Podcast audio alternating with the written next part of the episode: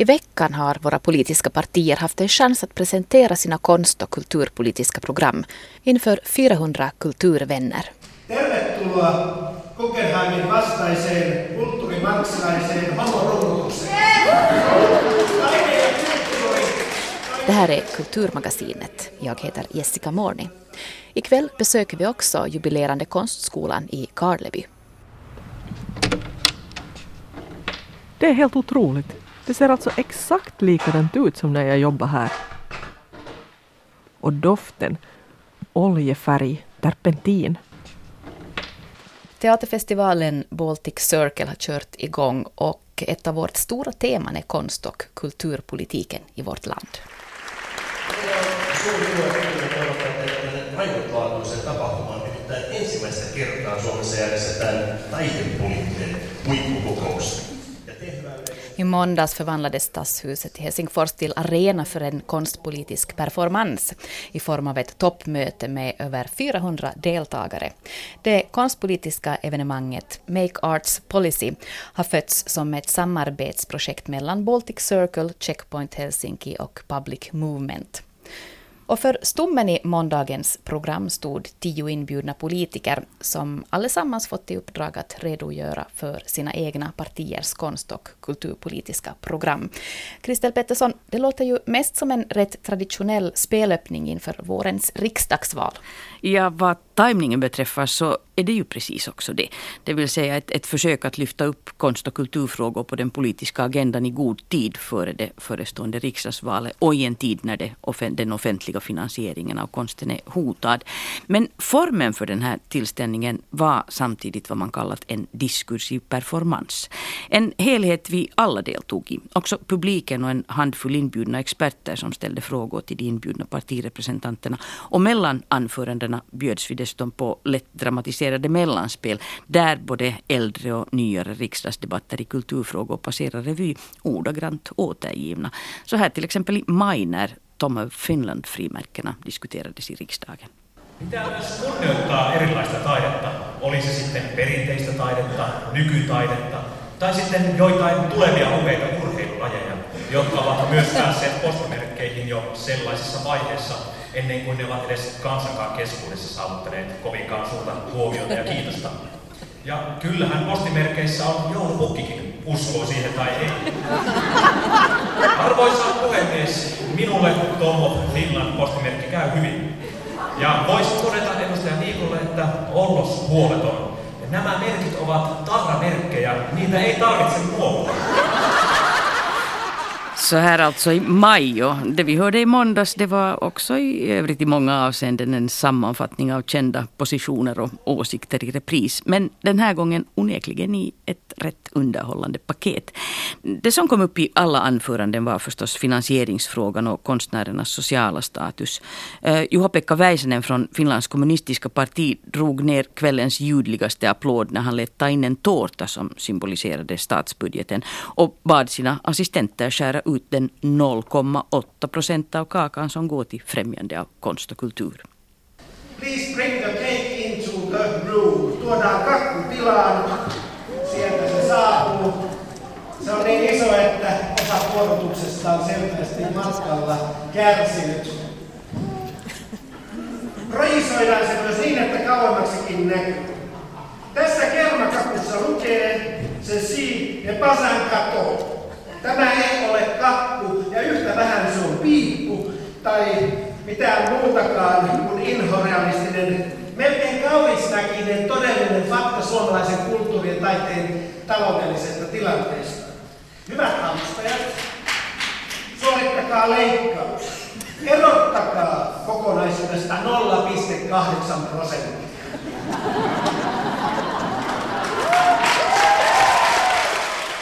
Och det som blev väldigt klart var förstås att åtminstone ingen förändring till det bättre att vänta.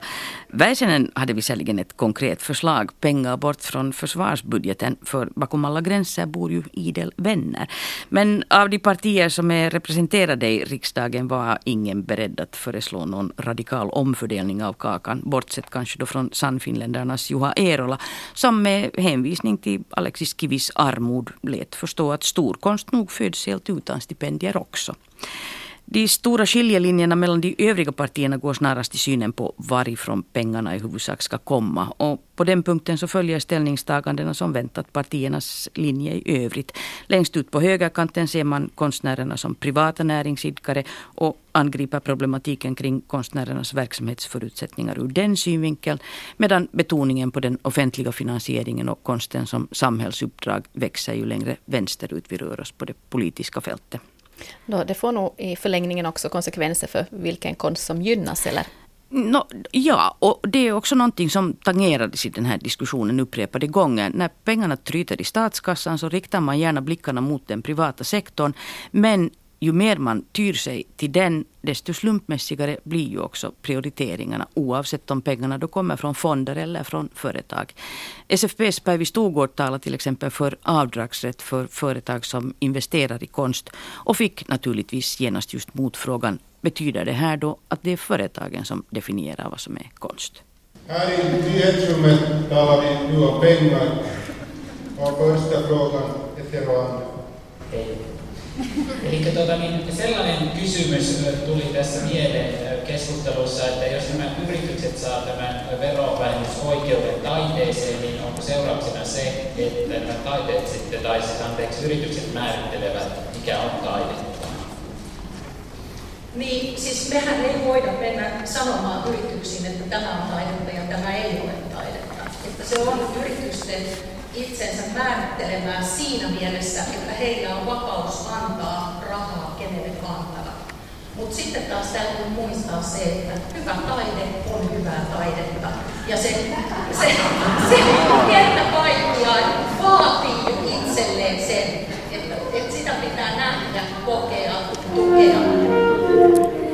Och den här musikslingan eh, här på slutet, det var en signal som publiken hade möjlighet att beställa fram varje gång vi tyckte att någonting var för dunkelt uttryckt. Och här reagerar publiken nog spontant på Storgårds uttalande att god konst alltid blir sedd. Eh, den privata finansieringen kom upp gång på gång i olika former och den som tydligast betonar statens ansvar också som garant för konstens autonomi var Vänsterförbundet Silvia Modig. Och det är intressant för det rimmar rätt långt med det resultat som konstnären Minna Henriksson kom till när hon inför ett konstprojekt som visas på stan i samband med Baltic Circle granskade de finansieringsdebatter som har förts i riksdagen ända från början av det förra seklet fram till idag. Den trend hon såg var nämligen att politikerna idag i allt högre grad utgår ifrån att den statligt stödda konsten ska berättiga sig själv genom att göra mätbar nytta. Och den aspekten har ju alltid funnits i någon form. Men skillnaden är att förväntningarna idag är fler och brokigare än någonsin tidigare. Et viime aikoina varsinkin niin taiteesta on tullut semmoinen, että se, um, sille laitetaan todella paljon odotuksia yhteiskunnalta ja niin esimerkiksi, että taide voi parantaa sydänsairauksia tai auttaa um, syrjäytyneitä tai maahanmuuttajien kotouttamisessa tai, tai monenlaisia sellaisia oikeastaan niin kuin, haasteita, joita tässä yhteiskunnassa on, niin uh, monet poliitikot sanovat, että, että niin taide voisi olla niihin jonkunlainen lääke, mikä on taas niin aika, aika pelottavaa niin taiteilijan näkökulmasta. Että mä en ainakaan haluaisi ottaa sellaista vastuuta, että, että minä nyt um, mun taiteella parantaisin sydänsairauksia muita kansantauteja. Samtidigt så var ju det här toppmötet också ett konstprojekt i sig, en fyra timmar lång happening. Nu är jag nog nyfiken, tycker du att konceptet höll? Själva konceptet höll, men jag tycker att man kunde ha fått ut mer av det. Jag var till exempel lite besviken över att expertpanelen som satt i ett separat rum, ett så kallat newsroom, ett pressrum, och som kopplades in via videoskärm mellan anförandena, inte egentligen hostade upp med särdeles intressanta eller utmanande frågor. Det roligaste med den panelen var egentligen den inledande bild som överfördes därifrån med alla samlade i halvsomnade grubblande påsar som ledde tankarna direkt till Axel Galén Kallelas målningssymposium. Ni vet den där från krogbordet Sibelius, Kajanus och Galén själv sitter. Och ganska snart avtog också publikens iver att signalera när anförandena i talarstolen svävade ut i rutinretorik. Man hörde fnysningar men det flaggades inte så mycket, vilket antagligen också berodde på frustration. För våra politiker är inte särdeles bra på direktkommunikation eller improvisation. Och här fanns ett par paradexempel på det, både på arrogans och snarstuckenhet. Eh, Timo Vuori från Samlingspartiet till exempel gjorde mer än klart för publiken att han struntar i reaktionerna. Och det är också intressant och belysande. Så att som ett beteendevetenskapligt experiment var det här en mycket givande kväll. Också när det gäller publiken. Demagogi går hem. Och om paketet är attraktivt så ger man sig inte alltid tid att analysera exakt vad det är som sägs. Mindre framgångsrika var politikernas egna konstuppvisningar. Tutsignalerna från publiken de kom snabbt till pass både när Juha Eerola framhärdade med att presentera Sannfinländarnas kulturpolitiska program sjungande och när Päivi Stogård bjöd på en rätt melodramatisk reklamsnutt för en pjäs som hon själv översatt.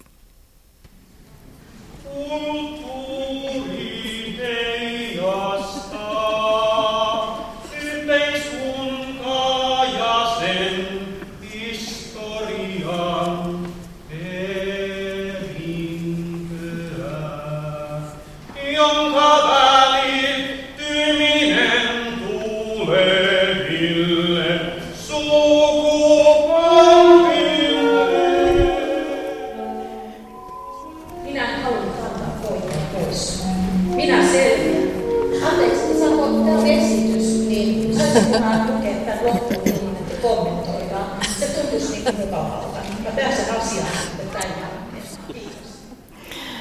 samlade materialet från den här kvällen kommer också att ligga som grund för den konstpolitiska handboken, en analys av den finländska konstpolitikens utveckling. Och Minna Henrikssons affischem-citat ur riksdagens kulturdebatter finns ute på stan, bland annat vid Glaspalatset, där Baltic Circle under hela den här festivalveckan också syns i gatuvimlet och det gör man då med dagliga gratisperformanser. Men har du alls, Christer, hunnit följa med dem? Uh, jag gjorde faktiskt en snabbsväng häromdagen, bland annat till Dries Verhoevens glasbox mellan Forum och Glaspalatset. Uh, Nederländaren Verhoeven står alltså för ett koncept där de förbipasserande dagligen möts av en ny tablå i en glaslåda. Och tanken där är att röra om en aning i den bildflora som vi möter i det offentliga rummet där glättade reklambilder dominerar. Vad är det vi inte ser och var går gränsen för vad vi tolererar? Verhoevens verk är ett slags alternativa skyltfönster. Och det jag möttes av var en vuxen man i badbyxor läsande en saga för en liten flicka som satt i hans knä iklädd en barnbikini. Bokens titel var Satu sadusta, joka oli satua, en saga om en saga som inte var sann och lika avsiktligt tvetydig var ju tablån. Vad läser vi in i situationen? Och varför? Och hur hade vi tolkat den här tablån om den vuxna i verket hade varit en kvinna? På typiskt finskt vis så valde många fotgängare förstås att gå förbi och rikta blicken mot någonting annat. Men jag hittade en slovenska som stannat upp för att kolla in verket. Och hennes spontanreaktion var förmodligen just den Verhoeven haft i åtanke. Do you know what it's about? I'm just reading about it. Oh, okay. About physical contact, how important it is? Something like that? And when you look at the performance, what do you think? Um, I don't know. My dad never read me something like that in that way. I don't know. I'm kind of mixed feelings now. So yeah, because it's a man and a little girl, it's kind of weird. But if it would be a woman, it would be like okay. As I said, my father didn't do that, so for me that's weird. But I don't know. I'm in Finland where naked people that's kind of normal. So I'm just a tourist. And where do you come from? I'm come from I come from Slovenia, a bit more conservative, I think, than Finland. Mm. Yeah, I wouldn't allow my child to be like that. okay. okay. Yeah. Thank you very Thank much. You. Tablåerna i Verhofens glasbox byts ut varje dag och eh, till och med söndag så kan man också se koreografen Alexandra Piricis installation vid Mannerheimstatyn i Helsingfors. En optisk lek med dimensioner där den levande människokroppen sätts i relation till monumentet. Tack till dig, Christer Pettersson. Nu ska vi besöka Nordiska konstskolan i Karleby som firar 30 år i år. Och den är fortfarande en fri skola som står sig väl i konkurrensen. Systemet med konstnärer som gästlärare har visat sig vara en vinnare. Storheter som Karin Mamma Andersson, Teemu Mäki, Silja Rantanen, Ernst Billgren och Nina Ros har gästat skolan, för att bara nämna några namn. Men mycket har också förändrats på 30 år då konstnärsyrket och utbildningen måste följa med sin tid. Modellmåleriet, ja det är en sak som nästan helt har försvunnit numera. Det är helt otroligt.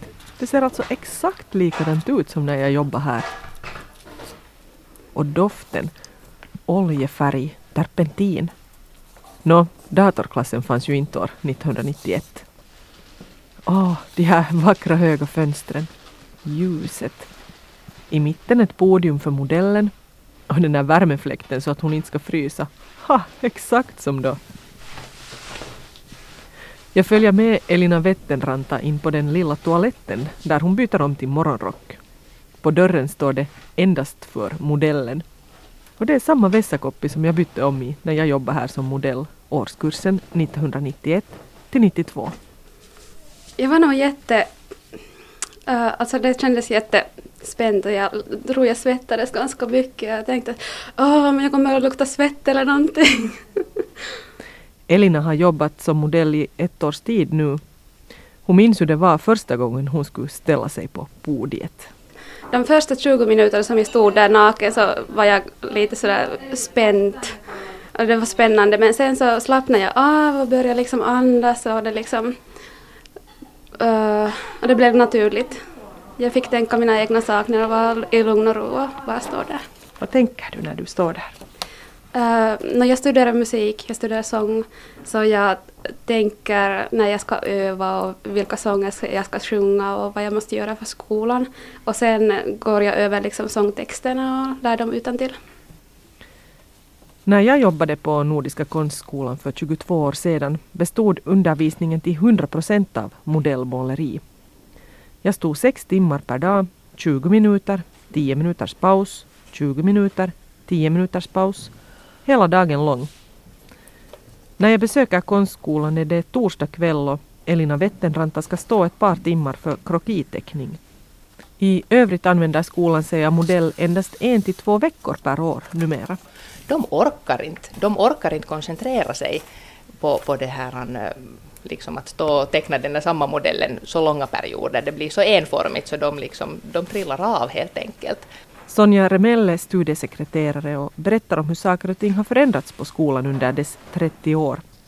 Förändringar som avspeglar hur samhället i stort har bytt skepnad. Det är ju liksom en sån här projekt projektsamhälle som vi lever i, att, att det där, man ska söka pengar för ett visst projekt och så ska man göra sitt projekt med buller och bång och sen ska man redovisa det och sen ska man glömma bort det. Att det är ju lite här också kanske samma sak, att, att läraren kommer in med buller och bång och drar sin två veckors workshop och det är väldigt intensivt. Och sen efter fredagens kritik så drar alla andan över veckoslutet och sen ska man igen på måndag vara kanske beredd på att hugga i någonting helt annat än vad man har gjort under de senaste två veckorna. Själv vi håller paus. Ja.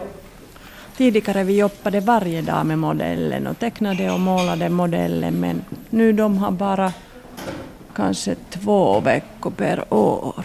Den är synd, tycker jag. Kaja Kontulainen är lärare här ikväll. Modellen står på ett podium mitt på golvet och runt omkring henne står ungefär 15 elever vid sina stafflin.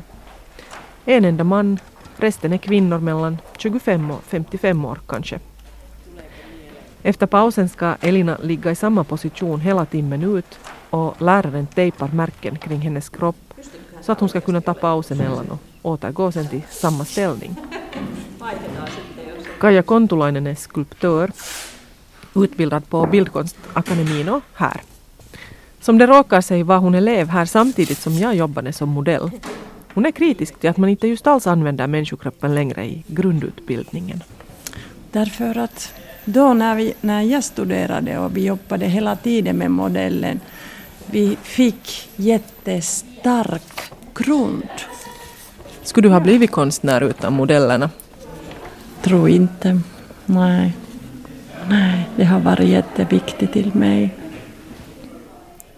Men studiesekreterare Sonja Remell påpekar att ett konstnärskap och en utbildning ser så annorlunda ut idag än för 20 30 år sedan.